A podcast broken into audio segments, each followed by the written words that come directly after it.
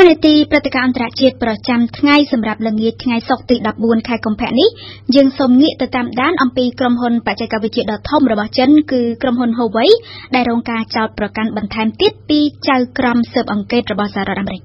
ជំវិញព័ត៌មាននេះយើងមានបទអន្តរាគមពីមុំពិសីជំរាបសួរពិសីបាទជំរាបសួរភីរី ជាពិសេសចៅក្រមស៊ើបអង្កេតអាមេរិកបានបន្ថែមការចោទប្រកាន់ទៅលើក្រុមហ៊ុន Huawei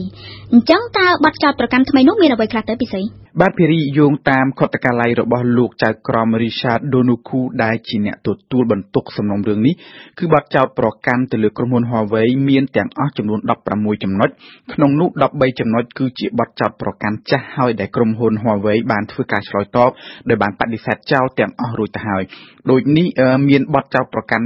ថ្មីចំនួនតែ3ទេបទចោទប្រកាន់ទាំង3នេះគឺផ្ដោតទៅលើការលួចកិច្ចការសម្ងាត់ឧស្សាហកម្មនិងការលួចរកស៊ីជាមួយនឹងកូរ៉េខាងជើង បំពេញទៅនឹងការហាមឃាត់របស់សហរដ្ឋអាមេរិក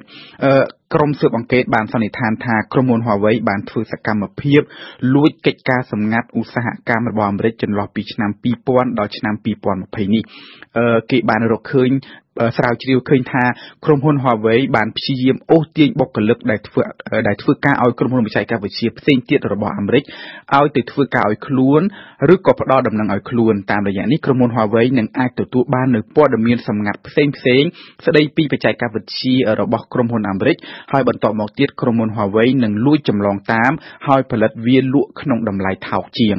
គេបានលើកឧទាហរណ៍ជាក់ស្ដែងនៅក្នុងឱកាសពិព័រណ៍ពាណិជ្ជកម្មមួយនៅទីក្រុង Chicago ក្នុងឆ្នាំ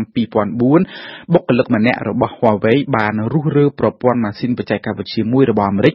និងបានលួចថតរូបជាច្រើនសន្លឹកទាំងកណ្ដាលយប់ក៏ប៉ុន្តែ Huawei បានអះអាងថាបុគ្គលិករូបនោះជាបុគ្គលិកតូចតាចរបស់ក្រុមហ៊ុនតូចមួយដែលធ្វើការឲ្យក្រុមហ៊ុន Huawei ប៉ុណ្ណោះហើយធ្វើរឿងនេះដោយចិត្តឯងតែយ៉ាងណាក្រុមស៊ើបអង្កេតអាមេរិកបានបញ្ជាក់ថានៅក្នុងប្រវត្តិរូបសង្ខេបរបស់ជននោះសរសេរថាគឺជាវិស្វករជំនាញកម្រិតខ្ពស់ផ្នែកបង្កើតកម្មវិធីបច្ចេកវិទ្យាជានេះទៀតគេបានរកឃើញថាចាប់ពីឆ្នាំ2013មកក្រុមហ៊ុន Huawei បានបង្កើតជារង្វាន់លើកទឹកចិត្តឲ្យដល់បុគ្គលិកខ្លួនណាដែលអាចទៅរកព័ត៌មានឬក៏រឿងសម្ងាត់ឧស្សាហកម្មតាក់ទិនទៅនឹងបច្ចេកវិទ្យារបស់ក្រុមហ៊ុនប្រកួតប្រជែងផ្សេងទៀតតាក់ទិនទៅនឹងបញ្ហាកូរ៉េខាងជើងវិញកាលពីឆ្នាំ2012តំណាងជាន់ខ្ពស់ម្នាក់របស់ក្រុមហ៊ុន Huawei បានឆ្លើយបដិសេធនៅចំពោះមុខគណៈកម្មការសភាអាមេរិកថា Huawei គ្មានទំនាក់ទំនងរកស៊ីជាមួយនឹងកូរ៉េខាងជើងទេក៏ប៉ុន្តែឆ្លងកាត់ការស្រាវជ្រាវក្រុមស៊ើបអង្កេតរបស់ចៅក្រមអាមេរិកលោក Richard Donoghue បានរកឃើញថាក្រុមហ៊ុន Huawei បានចូលរួមធ្វើជំនួញក្នុងគម្រោងវិនិយោគទូរគមនាគមន៍នៅក្នុងប្រទេសកូរ៉េខាងជើងនឹងជាច្រើនគម្រោងលោកស្រី Meng Wanzhou អគ្គនាយកហិរញ្ញវត្ថុរបស់ Huawei និងកូនស្រីរបស់ស្ថាបនិកក្រុមហ៊ុននេះកំពុងតែស្ថិតនៅក្នុងការឃុំឃាំងក្នុងផ្ទះនៅឯប្រទេសកាណាដា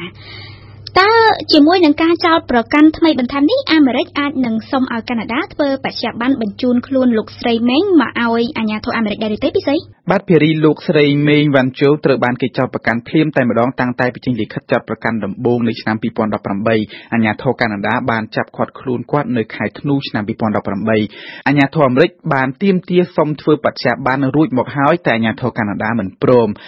មានការលើកឡើងផ្សេងៗគ្នាពីហេតុផលដែលកាណាដានៅបន្តឃុំខ្លួនលោកស្រីមេងវ៉ាន់ជូ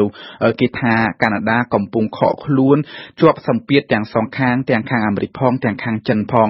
ចិនបានដាក់សម្ពាធលើកាណាដាកុំឲ្យកាណាដាបញ្ជូនខ្លួនលោកស្រីមេងវ៉ាន់ជូទៅឲ្យអាមេរិកឲ្យសោះតែម្ខាងទៀតកាណាដាមានចំណងសហប្រតិបត្តិការផ្នែកតុលាការជាមួយនឹងសហរដ្ឋអាមេរិកនៅក្នុងលិខិតចោទប្រកាន់ថ្មីនេះគេមានលើកឈ្មោះលោកស្រីមេងវ៉ាន់ជូមែនតែមិនមានការចោទប្រកាន់ដោយចំពោះណាមួយទៅលើលោកស្រីបន្ថែមពីអ្វីដែលមានចោទពីមុនមកទេដូច្នេះគឺមិនមានការប្រែប្រួលណាមួយទាក់ទិនទៅនឹងការចោទប្រកាន់លើលោកស្រីមេងវ៉ាន់ជូឡើយចំណែកអ្នកនាំពាក្យខុទ្ទកាល័យចៅក្រមស៊ើបអង្កេតអាមេរិកក៏បានបដិសេធមិនឆ្លើយទាល់តែសោះថាគេនឹងធ្វើការស្នើសុំបច្ចាប័នម្ដងទៀតទៅកាណាដាឬក៏យ៉ាងណានោះទេភីរីជាមួយនឹងការចោទប្រកាន់ជាច្រើនទៅលើក្រុមហ៊ុន Huawei របស់ចិនពិសេសរដ្ឋាភិបាលអាមេរិកក៏បានចាត់ក្រុមហ៊ុននេះចូលទៅក្នុងបញ្ជីខ្មៅកាលពីខែឧសភាឆ្នាំ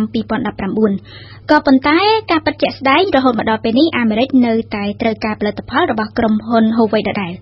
តើមានហេតុផលអ្វីទៅពិសេសបាទភារីហេតុផលនោះ គឺមិនទាន់មាននរណាអាចមកជំនួសក្រុមហ៊ុន Huawei បានទេសម្រាប់ផលិតផលបច្ចេកវិទ្យាគ្រឿងផ្សំមួយចំនួន គឺទីផ្សារអាមេរិកនៅតែត្រូវការផលិតផលរបស់ Huawei ដដែលជាក់ស្ដែងនៅតាមទីជនបទដែលការដំឡើងប្រព័ន្ធទូរគមនាគមន៍មានការលំបាកហើយដូច្នេះហើយ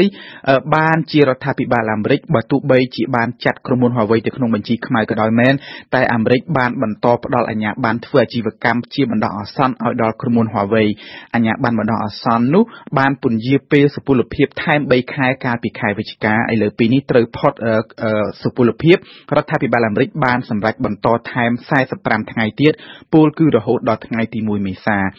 ដ្ឋាភិបាលលោកដូណាល់ត្រាំបានទទួលស្គាល់ថាការពន្យាពេលម្ដងជាពីរដងនេះគឺដើម្បីទុកពេលឲ្យក្រុមហ៊ុនក្នុងស្រុករបស់អាមេរិកនឹងស្វែងរកដៃគូសហការផ្សេងទៀតក្រៅពីក្រុមហ៊ុន Huawei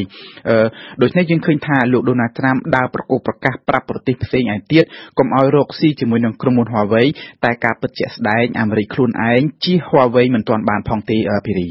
សូមអរគុណមកពិសេសសម្រាប់បទអន្តរាគមន៍ក្នុងនេតិព្រឹត្តិការណ៍អន្តរជាតិប្រចាំថ្ងៃនៅរាត្រីនេះ